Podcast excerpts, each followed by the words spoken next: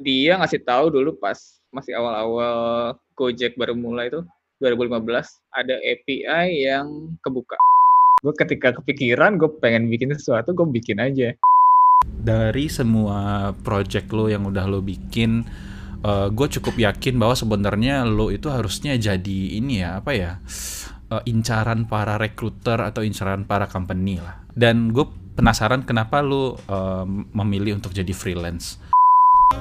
Podcast ngobrolin startup dan teknologi bareng gue Imbre dan ini adalah episode gue bareng Odi atau Madroid tentang project-project yang udah pernah dia kerjain sebelumnya dan gimana juga pengalaman dia dalam melakukan reverse engineering. Obrolannya seru banget dan eksklusif dan gue jamin kalian belum pernah denger story ini sebelumnya dari Odi, di mana pun. Jadi dengerin terus podcast ngobrolin startup dan teknologi.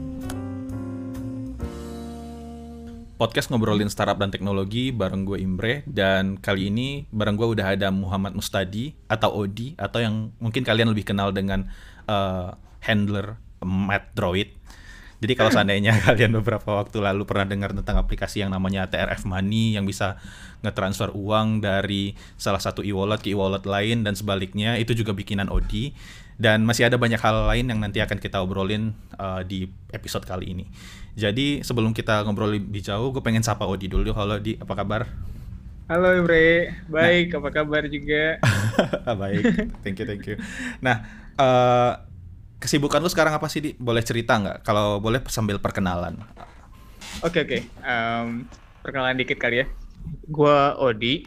Um, kayak Imre bilang tadi handlernya Matt Droid. Gua uh, kemarin sempet bikin beberapa hal yang mungkin dilihat di internet lah ya. Uh-huh. ada tadi dibilang TRF Money terus recently bikin COVID-19 API juga. Uh-huh. terus ya beberapa hal yang educational dan open source kebanyakan gitu sih.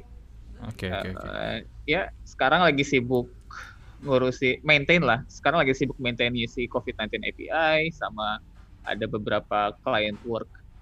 Hmm. Ya udah itu aja sih. Oke, okay, berarti lo sekarang lebih banyak freelance ya? Yap, ya. Oke oke, nanti kita akan ngobrolin lebih jauh juga tentang itu. Nah, kalau seandainya ada yang belum tahu, Odi ini sebenarnya teman kuliah gue dulu waktu di Elektro ITB dan ya kayak uh, sederhananya di Elektro itu kita nggak belajar ngoding web, nggak belajar ngoding Android dan segala macam dan kalau seandainya kalian lihat sekarang Odi ini mungkin salah satu web developer ternama juga kali ya di Indo yang What? punya yang punya banyak karya. Gue harus uh, bilang kayak gitu sih karena gue ngelihat open source lo juga aktif dan kemudian lo juga bikin banyak hal. Nah itu gimana ceritanya di lo bisa dari elektro sampai akhirnya lo bisa bikin banyak project web yang notabene nggak kita pelajari waktu di kuliah dulu. I see. Jadi pertanyaannya mungkin kayak kenapa gue bisa masuk ke web development gitu ya? Iya boleh. Kalau itu sih awalnya kayak lo bilang tadi, gue awalnya kan di elektro bareng sama lo nih. Mm -hmm. Gue waktu awal-awal itu ngambil mekatronika. Oh iya benar benar benar. mekatronika gue ini apa namanya? Bikin robot-robot gitulah ya. Mm -hmm. Sampai suatu hari gue internship, internship gue di perusahaan ABB. Mm -hmm karena jadi sales engineer mm-hmm. kayak bikin solusi robotik buat pabrik-pabrik di sana gue sadar gue ngerasa bahwa apa yang gue mau lakuin itu kan sebenarnya automation yeah. dan automation itu gue ngerasa lebih banyak impactnya dari automation yang berasal dari software bukan dari um, hardware hmm, jadi okay. andaikan kalau hardware automation itu robot itu bisa ngegantiin kayak 4 5 orang software automation itu bisa jauh lebih banyak uh, gantiin orang kayak sampai ratusan atau ribuan atau okay. bahkan satu lantai di gedung bank gitu. Hmm. Dan di sana gue sadar, terus gue ngerasa kalau gue emang pengen ngejar automation, gue mending ngejar ke fully ke software. Oh, okay. Dari internship itu gue akhirnya pivot lah dari ngerjain hardware jadi ke software gitu kayak. Oh, berarti tingkat tiga ya waktu itu ya? Tingkat tiga ya mm-hmm. dan di tingkat tiga itu habis internship itu kan gue masuk divisi komputer jadinya oh, oke okay. uh, di divisi komputer gue apa namanya belajar tentang software development terus apa namanya ngerjain Android ngerjain project-project nah, terus jadi sadar aja beberapa apa namanya hal yang bisa dibuat dari web dan app development terus jadi terusan aja dari sejak itu ini yang lo maksud divisi komputer itu divkomnya HME ya divisi komputer HME ITB oke oke oke oke menarik menarik nah Terus uh, kalau gua nggak salah ingat dulu tuh gue pernah lihat lu pertama kali uh, pertama kali hal yang gue notice dari lo itu adalah ketika lu ikut hackathon kalau nggak salah dan lu menang. Waktu itu lo bikin aplikasi yang ini ya nggak compare harga-harga ride hailing app ya kalau nggak salah. Yes. Grab, yeah, ada Gojek right. sama Uber kalau nggak salah ada tiga ya. Exactly. Nah itu ada tiga. Waktu itu tuh gimana sih di ceritanya lo bisa akhirnya punya ide untuk bikin itu padahal kan sebenarnya nggak banyak orang juga yang tahu apa sih API-nya si Gojek, Grab dan Uber itu gimana caranya lo ngedapetin waktu itu? Waduh, eh, sebagai yang baru masuk Gojek nih ya. Gak, gue penasaran aja sih. Eh, jadi um, sebenarnya itu kan hackathon tahun 2017, yeah. 2017 akhir kalau ide tentang itunya sendiri udah lebih lama lagi mm-hmm. kayak dari 2015. Oke. Okay. 2015 itu kita ada teman mutual kita si Iya. Yeah. Dia ngasih tahu dulu pas masih awal-awal Gojek baru mulai itu 2015 ada API yang kebuka. Halo pendengar podcast ngobrolin startup dan teknologi, kalau kalian pernah dengar istilah data driven organization, ingin memperkaya pengalaman dan jadi bagian dari perusahaan yang berhasil menggunakan big data untuk produk mereka, nggak usah khawatir lagi. Traveloka is hiring for data engineer. Responsibility-nya apa? Sebagai data engineer, kalian akan punya tugas untuk merancang, implementasi, dan maintain big data infrastrukturnya Traveloka, including monitoring, alerting, dan debugging infrastrukturnya. Ada jutaan event tiap hari yang masuk ke data lake-nya Traveloka dan kalian bisa bayangkan sendiri tantangannya bakalan kayak gimana. Kalian juga akan berkolaborasi dengan tim produk dan lain-lain untuk memecahkan permasalahan mereka dengan menggunakan data teknologi. Requirement-nya apa aja? Pertama, punya passion dan pengalaman dengan best practice dan prinsipal penting di dunia software engineering, big data, dan sistem arsitek. Kedua, familiar dengan big data infrastruktur dan tooling di cloud kayak Kafka, Spark, PubSub, dan database seperti Bigtable, BigQuery, dan lain-lain. Yang ketiga, kalian harus familiar dengan Java. Dan yang keempat, kalian punya pengalaman dengan data infrastruktur dan operasional. Tapi kalau kalian nggak punya pengalaman juga nggak apa-apa. Semangat kalian buat belajar hal baru jauh lebih penting. Jadi buat kalian yang tertarik, cek langsung lebih lengkapnya di bit.ly slash traveloka dash ngobrol dash data dash engineer atau kalian juga bisa lihat linknya di deskripsi podcast gue. Jadi tunggu apa lagi? Let's join ambitious growing team in building large impact consumer product and service with technology. Traveloka dulu, kerjaan seru kemudian. Oke. Okay. Right. Mm -hmm. Di saat itu gue langsung tertarik banget tuh gue waktu itu lagi ngoprek lagi ngoprek masalah security dikit-dikit mm-hmm. terus karena dia bilang API Gojek kebuka gue langsung mulai ngecek apa aja sih yang bisa didapetin dari okay. aplikasi Gojek mm-hmm. kita lihat ada endpoints-nya ada payload-nya kayak gimana terus gimana kita gimana cara aplikasi tersebut berbicara sama API terus uh, responnya kayak gimana gue lihat itu dan dari sejak saat itu 2015 gue kepikiran terus-terusan untuk gimana kalau kita apa namanya kita agregat lah kita okay. agregat semua aplikasi kayak Gojek sama Grab sama waktu itu ada Uber Uber juga yeah. gimana kalau kita agregat um, misalnya untuk mesen pesan kendaraan atau buat ngecek harga aja at least mm-hmm. buat ngecek harga kita compile semua ke dalam sebuah app dan dari sana kepikiran terus terus akhirnya tahun 2017 ada acara hackathon Facebook oke okay, ya yeah. terus kepikiran untuk oh iya kenapa nggak kita telusuri ini terlebih dalam akhirnya ya udah kita reverse engineer aplikasi aplikasi aplikasi tersebut kita manfaatin lagi API-nya kita kita buat kita compile ke dalam satu aplikasi di mana aplikasi tersebut bisa lihat harga uh, pesan bahkan sampai drivernya datang dan kita udah pernah sempat pakai juga gitu oke okay. ya sorry di gue potong itu kan tadi okay. API kebuka itu tahun 2015 ya dan kemudian exactly. pasti gue yakin dalam 2 tahun sampai 2017 tuh pasti udah ada security improvement dari berbagai macam red hailing app tadi Nah, itu ketika yes. 2017 apakah lu masih melakukan hal yang sama atau lu melakukan cara lain untuk mendapatkan API-nya tadi? Oke, okay, um, caranya itu sebenarnya masih sama. Uh mhm. Cuman ada beberapa hal yang emang diimprove. -huh. cuman nggak bisa apa ya? Masih ada celahnya lah ya.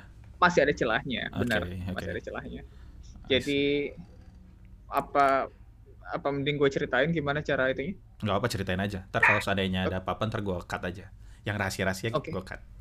Oke okay, santai. Jadi uh, basically the gist adalah gue itu pertama punya aplikasinya kan mm-hmm. di mhm. iOS sama Android.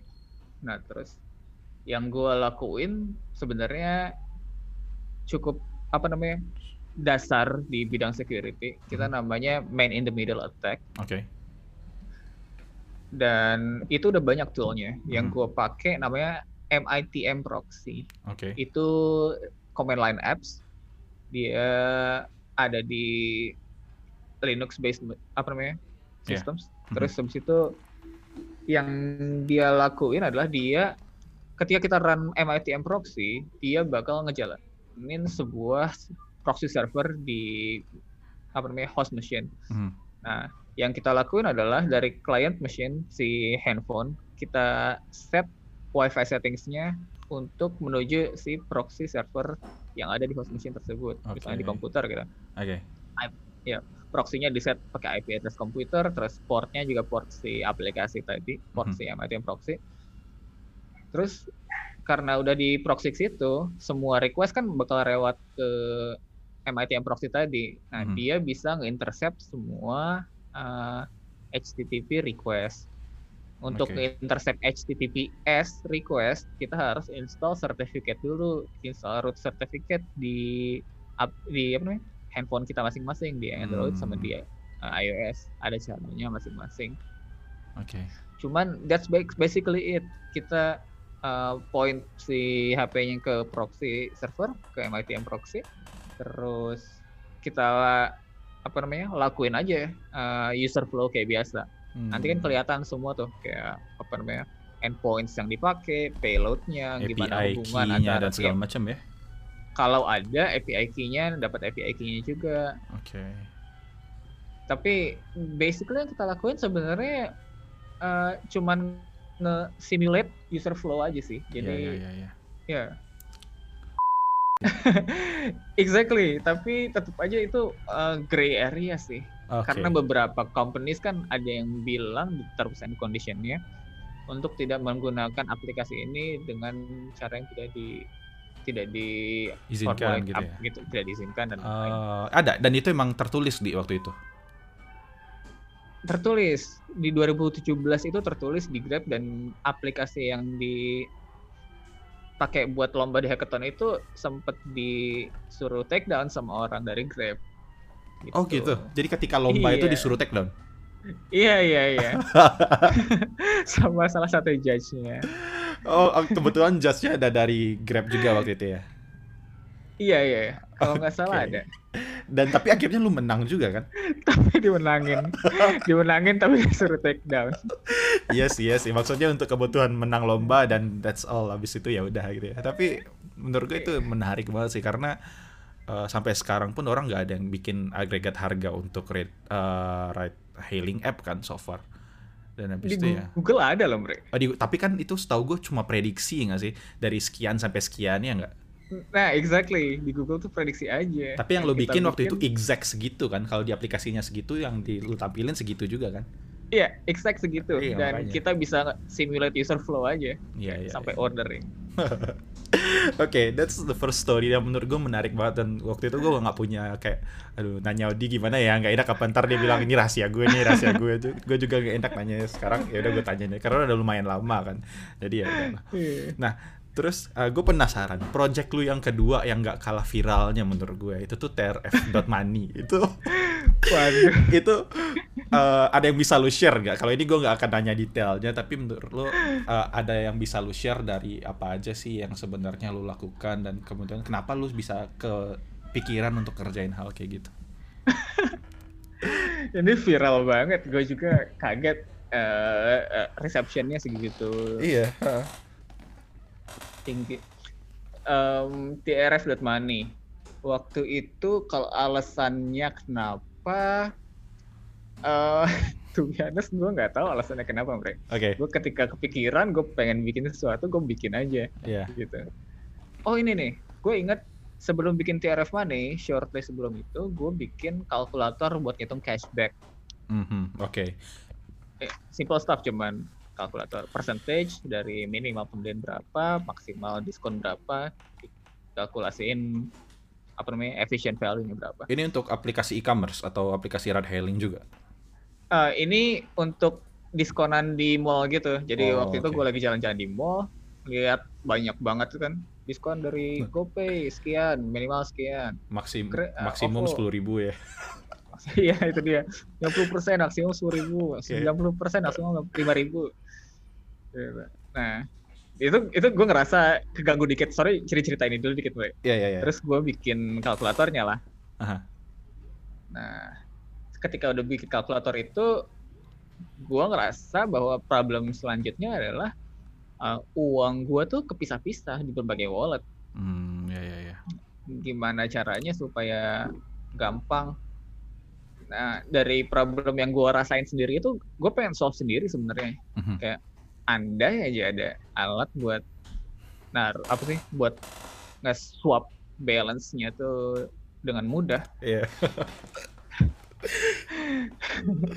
terus terus ya gue sadar kayak ini sih mirip sama aplikasi yang 2017 itu si okay. Tride.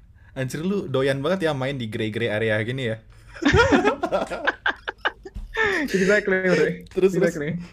Uh, terus uh, terus terus gue bikin ini apa namanya ya ya biasa kayak, kayak kemarin lagi gue gue MATM lagi gue cek uh, ininya gue gue gue cari caranya gue apa namanya arsitektur gue architecting dulu kan mm-hmm. gue mikir gimana caranya supaya bisa swapping balance dan mudah akhirnya kepikiran kalau ya udah kita bikin model kayak remittance remittance uh, transfer duit gitulah mm-hmm. jadi konsepnya uh, anda ya lah misalnya lo tinggal di US gue tinggal di Indonesia mm-hmm. lo pengen transfer duit dari rekening lo di US ke rekening lo di Indonesia mm-hmm. tapi lo nggak pengen bayar biaya biaya itu ya. lain-lain lah ya ya udah gue punya rekening US juga gue punya rekening Indonesia gimana kalau uh, lo kirim dolar lo ke rekening US gue ter gue kirim rekening Indonesia gue IDR gue ke rekening IDR lo gitu ngerti oh I see. Konsepnya kayak gitu. Ini kalau lu tahu flip nggak di?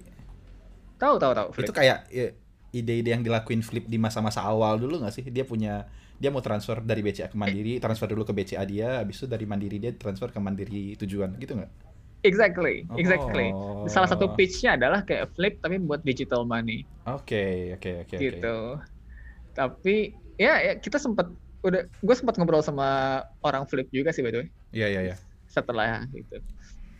Ya intinya gitu, gue bikin konsepnya kayak remittance uh, dan gue ngelakuin itu automatically mm-hmm. dengan harapan bahwa uh, si provider walletnya itu apa ya? Dengan harapan bahwa apa yang gue lakuin ini masih dalam di batas wajar wajar yeah. jadi kayak seolah-olah cuman teman kirim duit ke temen gitu oke okay. gitu uh-huh. uh, awal mulanya terus uh, uh, lanjut kali ya lanjut ke lah. ya oke okay. awal mulanya kan kayak gitu terus gua bikin MVP bikin websitenya sama tata cara transfer terus apa namanya gue ceritain dulu dikit cara kerjanya itu kan dia pakai magic number ya. Iya. Yeah. Not exactly magic number, cuman kayak kalau misalnya dari Gojek mau dari GoPay mau ke OVO kirim pakai kode OV. OV itu adalah 68. Mm-hmm. GoPay kalau mau ke GoPay uh, GO 46. Jadi di dua digit terakhirnya itu sesuai sama uh, sesuai sama target wallet Iya iya iya. Target eh buat tujuan. Itu memudahkan gua untuk melakukan banyak hal. Jadi kayak hmm. ada ada fungsi lain selain itu. Jadi ketika orang transfer ke ini kan masuk masuknya ke akun e-wallet gua misalnya yeah. orang transfer ke akun e-wallet GoPay gua sepuluh ribu enam delapan hmm. kita bisa lihat di sana bahwa oh itu amount yang mau dikirim sepuluh ribu targetnya adalah enam delapan hmm. jadi dengan ini juga gua menghindari apa namanya transaksi-transaksi lain misalnya kayak kalau misalnya uh, nyokap gua ngirim oh, iya, iya. GoPay sepuluh ribu gitu. Uh. Karena kan uh, angka terakhirnya tuh unusual. Iya iya iya. iya. Ya, itu memudahkan lah, sangat memudahkan. Jadi orang nggak perlu lagi uh, susah-susah ngecek kirimnya berapa, magic linknya berapa, magic numbernya berapa. Uh-huh. Orang udah tahu kayak kalau mau kirim sepuluh ribu tambahin aja enam delapan, enam ya. Gitu. Oke. Okay. Gitu itu tadi pertanyaannya gimana bikinnya ya kayak gitu sih bikinnya oke okay, oke okay. berarti lagi-lagi lu juga nge-intercept uh, API-nya dan lu ngelihat API apa aja ya untuk nge-list uang yang masuk kemudian untuk pengiriman segala macam kayak gitu ya exactly tapi oh. sayangnya nggak semua apa namanya nggak semua nggak selalu available apa yang kita butuhin nggak selalu available sebagai third party ya yeah. sebagai orang yang pakai API official unofficial maksudnya uh-huh.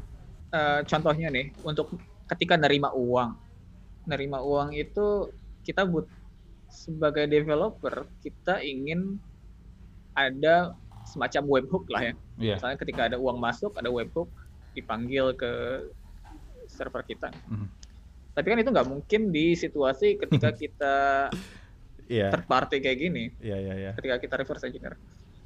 Ya jadi yang kita yang dilakuin paling sekadar apa namanya? cari API history misalkan. Yeah. API history terus kita panggil secara berkala 5 hmm. menit sekali, 10 menit sekali, yeah, yeah, ntar yeah. di ya gitu. I see, kayak gue kebayang sih sekarang. Sebelumnya gue nggak kebayang. Dan yang menariknya adalah beberapa waktu kemudian itu viral dan kemudian lu mulai kena kena blok gitu ya kena ban segala macam yep. itu sampai yep. sekarang lu masih kena ban masih kena ban dari Gojek tolong sampaikan nggak bisa gue gue mau nggak ada akses ke sana di gue juga nggak tahu itu kayak gimana tapi tapi menarik sih yeah. menurut gue apa ya uh... waduh ya karena banyak yang pakai kan kalau gue boleh tahu ada berapa user sih waktu itu? Wah banyak banget. Um, ya maksudnya untuk saat itu ya gue ngerasa itu baik banget kayak yeah. Iya. sehari bisa ratusan lah oh, iya, iya. lima ratus enam ratus orang sehari yeah, yeah, lumayan yeah. banyak gue juga punya episode sama Flip uh, tapi gue belum tahu mau rilis kapan itu gue juga ngebahas gimana perjalanan mereka dulu uh, ngelakuin flip itu loh jadi dari awalnya pakai Google Form kayak kayak gitu terus mereka transfer manual segala macam dan ternyata sampai transaksinya sehari 60 juta waktu itu kayak gitu dan akhirnya mereka keren, keren, keren. bisa move on dengan uh, teknologi yang lebih bisa diterima lah kalau lu kan udah terbatas juga karena lu udah di band juga jadi sayang aja sih sebenarnya ada ada ada ada contingency plan sih, Bre. Oke oke oke. ini nanti gua cut deh. Ini nanti gua cut. Di cut boleh enggak juga apa-apa. Oke oke. Jadi gimana? uh, contingency plan. Contingency plan itu uh, ada beberapa cara ya. Yang pertama yang apa namanya? lebih terpusat mungkin. Oke. Okay. Contingency plan pertama adalah kita pakai beberapa akun lain dulu. Hmm. Saat ini udah ada beberapa akun lain sih. Yeah. Uh, dari volunteers developmentnya didiskus di sana. Oke. Okay. Um, dan lumayan loh sekarang uh, udah bisa ke Genius juga, Gokil. udah bisa ke Dana. Gokil. Tapi masih stealth sih, geraknya masih pelan-pelan. Soalnya takut kayak kemarin lagi. Iya, Kalau iya, kemarin iya, lagi iya, terlalu iya. cepet, terlalu gitu. Terlalu Jadi ini sekarang, terlalu mencuri perhatian ya dia. Iya. Okay. gue juga gak nyangka semencuri itu. Terus jadi nyediain beberapa nomor cadangan, beberapa itu kita pakai round robin. Uh, biar nggak kalau itu. Oke. Okay. Mari Terus selanjutnya adalah kalau bisa gue pengennya nanti full peer to peer jadi nggak usah pakai nomor yang itu lagi Magic nomor number apa lagi ya. iya jadi nggak nggak remittance lagi konsepnya tapi peer to peer ke orang yang misalnya lagi butuh OVO tapi ada yang lagi butuh GoPay ditukar gitu oke oke oke gitu. oke. Menarik di. Gue uh, doakan semoga yang lo lakukan bisa bermanfaat untuk orang banyak lah. Thank you Ray. Amin, amin. Nah, gue mau lanjut ke project lu yang fenomenal berikutnya anjir. Ini project lu fenomenal semua, gokil emang. Tau kenapa gue bilang fenomenal? Karena setiap gue ngeliat eh, di Twitter misalkan kayak gitu kan, ada orang yang nge-tweet eh, bik- ini gue habis bikin website untuk data COVID pakai API-nya Medroid. Itu tuh mas bukan orang Indo doang, tapi udah orang mana, orang mana gue juga udah nggak tahu lagi dan itu menurut gue eh, keren banget sih. Nah, jadi gimana di ceritanya? Apa yang lo lakukan terhadap API lo yang viral ini? thank you banget Ray by the way Iya, iya. Eh, gu- Iya pertama gue juga kaget juga dan senang banget juga Hmm. Eh, rasanya benar-benar apa ya seneng lah bisa ngebantu orang banyak Iya. Ter- eh, jadi awalnya itu gue sempat cerita dikit juga di kemarin di apa namanya WWW itu ya. Li- live camp ya Iya, live cam ya. W3 ini jadi awalnya itu gue jadi awal Maret itu gue habis operasi di rumah sakit Mhm. terus gue karena di rumah sakit kan ya terus jadi ngeliat-liat apa namanya info-info kesehatan terus di situ di saat itu eh, ada orang di Twitter namanya Balaji Balaji Srinivasan Mhm. dia venture capitalist ya kalau nggak salah terus yang pasti dia itu sering banget update tentang COVID-19 Hmm, oke. bahkan sebelum orang-orang sadar ada itu Iya. dan gue ngikutin banget terus gue ngerasa kayak ka- kalau aja apa namanya eh, rumah sakit ini bisa bikin bisa ngedapetin data kayak gini dengan mudah pasti mereka lebih aware lebih itu ya, apa namanya lebih ya bisa ditunjukin lah ke orang bisa orang orang-orang juga bisa lebih aware bisa lebih mempersiapkan sama apa yang akan terjadi Mhm. terus gue ngera pas saat itu gue cari-cari data agak susah dapetnya Uh, Oke. ada dari World Ometers bentuknya tabel ada dari uh, yang gue pakai sekarang si JHU Mhm. JHU CSSE dia bikin pakai uh, dashboard ArcGIS Mhm. terus ada dari tempat-tempat lain lagi dan gue ngerasa kayak andai ada API yang centralized yang bisa ngasih datanya secara akurat Mhm. Nah, tapi real time juga Mhm. akhirnya gue putusin kayak kemarin lagi gue man in the middle request lagi man in the middle Oh. tag lagi tapi bukan MITM sih sebenarnya Iya, iya, iya. cuman sekedar inspect element lah ya Iya, ya. Pengen tahu Kalau dia misal- ke mana ngirim datanya dapat dari mana ya. Oke. Mm-mm. Kan gue ngeliat tuh dashboardnya si JHU gue ngeliat bahwa oh ini uh, single page application dan datanya tuh diakses dari API mereka. Oke. ya udah terus gue cari apa namanya endpoints endpointsnya buat mendapatkan data-data tertentu.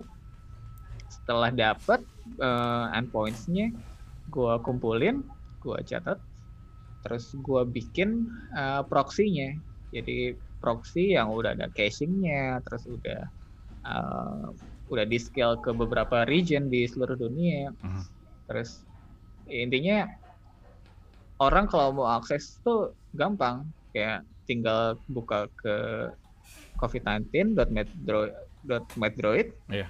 slash API itu udah dapet data dari eh, servernya si JHU langsung dan Berarti itu satu udah- server ya, eh, bukan lu ngumpulin data dari beberapa tempat terus lu agregat kayak gitu ya. tadinya mau diagregat cuman satu server aja udah agak berat sih Bro. Hmm, karena datanya tuh cepet banget berubah apa namanya skemanya berubahnya agak cepat waktu awal-awal itu Oke. karena semua orang kan lagi buat kan dan update dan yang tadinya API-nya tuh nunjukin cuman per kota gitu tapi Mhm. karena makin lama makin besar skopnya jadi ya diubah jadi per negara Oke. jadi ada field provinsi dan negara ada field lain-lain Mhm. jadi waktu itu perubahannya cepat dan nggak bisa nggak apa ya nggak stabil Oke. ya terus gitu gue bikin proxy-nya proxy-nya tuh di sini udah ada caching udah ada course udah ada apa namanya uh, scale udah ada scaling lah udah hmm. udah taruh di edge VDN jauh di mana-mana hmm. terus ya udah gue setup itu gue publish ke Twitter ini kalau mau ada yang pakai kalau ada yang mau ngambil COVID-19 API data gitu bisa pakai API ini yeah. udah gue juga pakai sendiri cuman ya seadanya aja lah gue nggak nyangka juga gue cuman publish aja kayak biasa uh-huh. Terus beberapa saat kemudian tiba-tiba di ini apa namanya uh, ada yang mention wah Westboss aja pakai API Metroid gitu dari Kevin kalau saya Kevin Ananta. Iya. Dia bilang kayak gitu kan. Terus gue ngecek apaan nih. Oh iya ternyata ternyata si Westboss itu lagi bikin COVID-19 tracker gitu. Terus dia bilang pakai API gue terus kayak wah gue kaget banget gue retweet terus banyak banget yang ituin iya iya iya semenjak saat itu baru jadi viral gitu lah kayak uh, I see berapa user sih uh, di sekarang terakhir itu um, 32 jutaan sehari. 32 juta API call atau user? API call, okay. nggak bukan user. Okay. API call, 32 juta API call sehari. Gede ya, kalau dibagi berapa berapa per second sih jadinya? Sebenarnya lu 30 juta sehari ya. Uh, lu, lu gak ngitung ya? Ya gak apa-apa sih, gak usah juga sih kalau eh. lu gak gitu. Tapi menurut gue tuh gede banget sih untuk project-project uh, happy-happy aja ya menurut gue tuh traffic yang gede. Dan pertanyaan gue berikutnya, costnya gede banget pasti. Lu nupit nutupinnya pakai uang sendiri gitu? Costnya bre, costnya nol. Kenapa gitu? Costnya nol karena gue pakai platformnya Vercel. Oh, I see. Jadi itu itu ngebantu banget. Dia ngasih play jadi kayak iklan nih. Ya, Bukan apa. iklan sih. Ini gue satisfied customer lah. Uh-huh. Dia ngasih plan personal itu generous banget. Uh, semuanya unlimited. Bayar ketika butuh team members lah gitu. Oh, I see. Hmm. Dan ya, untuk, lo yang satu orang jadinya nggak ada masalah juga kan? Iya, iya. Iya nggak ada masalah di deployment sih sama di bandwidth juga nggak ada. Um, terus ini apa namanya? Ya costnya segitu. Justru malah mahalnya di logging sama hmm. archiving yang lain-lain. Itu lo pakai duit sendiri juga? Nah itu dia. Gua sementara tuh pakai duit sendiri. Cuman kan gua ini apa namanya? Gua open donation. Okay. dan saat ya dan saat ini udah ada beberapa companies yang nge-pledge supportnya sih. Wih, gokil, gokil, gokil, gokil. Mantap kali, Di. Iya, Luar biasa. Salut gua sama lo. Oh, kasih, Hore. Gue juga salut soalnya. amin, amin. Ntar, pertanyaan list pertanyaan gue hilang nih. Uh. Nah, uh, udah gue mau nanya itu aja sih untuk project-project lo. Uh, gila keren banget asli nah uh, eh, gue punya pertanyaan uh, terakhir kayaknya di dari semua okay. project lo yang udah lo bikin uh, eh, gue cukup yakin bahwa sebenarnya lo itu harusnya jadi ini ya apa ya uh, incaran para recruiter atau incaran para company lah uh, dengan apa yang udah lo bikin Aduh. project lo segala macam dan gue penasaran kenapa lo uh, memilih untuk jadi freelance uh, apa pertimbangan lo? Apakah lo tipikal orang yang mungkin gak suka kerja kantoran atau gimana? Gue pengen tahu tuh. Ada beberapa alasan. Hmm. salah satunya udah lo jawab sendiri sebenarnya awal-awal tadi. Oke okay. yang mana tuh? Jadi jawaban salah satu jawabannya adalah uh, tadi kayak yang lo bilang Re, gue suka bekerja di daerah yang morally grey Oh, oke. Okay. gue seneng banget ngerjain hal-hal kayak ginian. Iya, iya, iya. Jadi pas dulu diajakin sama temen misalnya masuk Gojek gitu atau diajakin itu kayak gue mikir-mikir lagi kalau gue sebagai orang internal gue nggak akan bisa ngelakuin kayak ginian. Oh iya, iya. karena riskan juga ya. Riskan, yeah, uh, konflik of interest juga. Mm -hmm sementara ketika gue dari luar kayak gini gue bisa ngelakuin apa aja yang gue mau gue bisa bikin apa aja yang gue mau. Hmm, tapi lu nggak ada ketakutan gitu di dituntut atau apa gitu? Selama apa yang kita lakuin nggak berniat buruk ya Bre. Gue sih nggak takut. Oke okay, oke. Okay. menarik menarik. Selama gue nggak gue nggak pengen ngerusak aplikasi mereka atau gue pengen gue nggak pengen nyuri uang juga. Oke okay, gue yeah. cuma pengen ya bikin-bikin hal yang bisa ngebantu orang. Dan paling enggak lu menyadarkan mereka bahwa sebenarnya ada hal-hal yang masih bisa mereka improve ya dari segi security atau apa pun itu ya. Exactly, exactly. Okay. Sempat juga kok ngobrol sama si ISO-nya juga sama Mas Aje ya. Oke. Okay. Ya sempat ngobrol juga. Dulu kan sempat di band tuh tahun 2015 gue juga nge hack Gojek. Itu dulu gue agak agak nakal sih. Okay. Tahun 2015 dulu gue manfaatin API marketingnya Gojek ya. Uh-huh. Ini terserah mau di-cut atau enggak. Oke. Okay. Cuma tahun 2015 dulu kan gue dulu ada referral code gitu. Okay, Kalau okay. misalnya refer orang nanti uh, lo dan orang yang lo refer dapat Gojek kredit 50 ribu. Betul, betul ya. 2015 nah, ya. Terus, jadi kema 2015 ya. Iya. Gojek kredit. Lo daftar refer orang, berduanya dapat puluh ribu.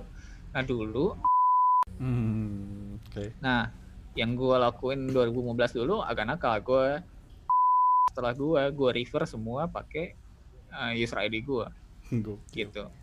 jadi, jadi dulu dulu virtually gue Gojek kreditnya unlimited. Anjir.